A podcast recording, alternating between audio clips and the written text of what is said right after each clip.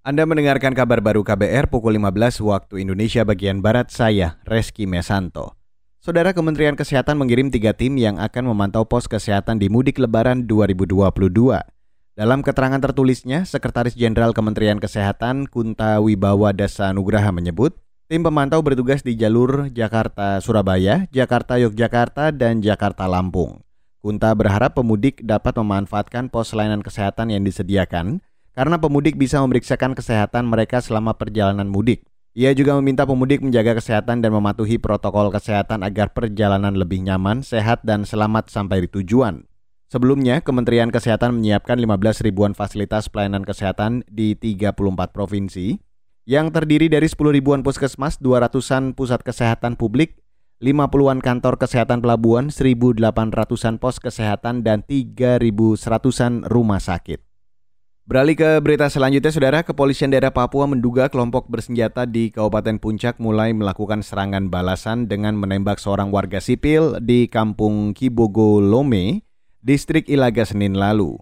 Direktur Serse dan Kriminal Umum atau Direskrimum Polda Papua, Faisal Ramadhani menduga pelaku adalah kelompok bersenjata pimpinan Numbuk Telenggen.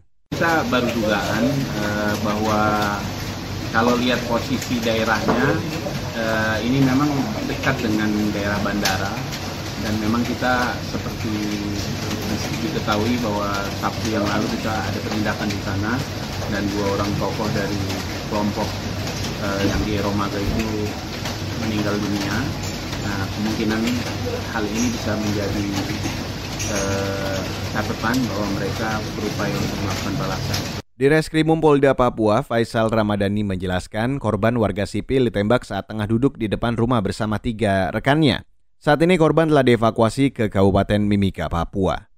Saudara Polandia kirim tank ke Ukraina untuk membantu negara itu memukul mundur pasukan Rusia. Perdana Menteri Polandia, Mateusz Morawiecki, membenarkan hal tersebut sebagaimana dikutip dari Reuters. Dalam bantuan kali ini, Morawiecki menegaskan tak akan mengirim jajah tempur seperti yang ia sampaikan Maret lalu.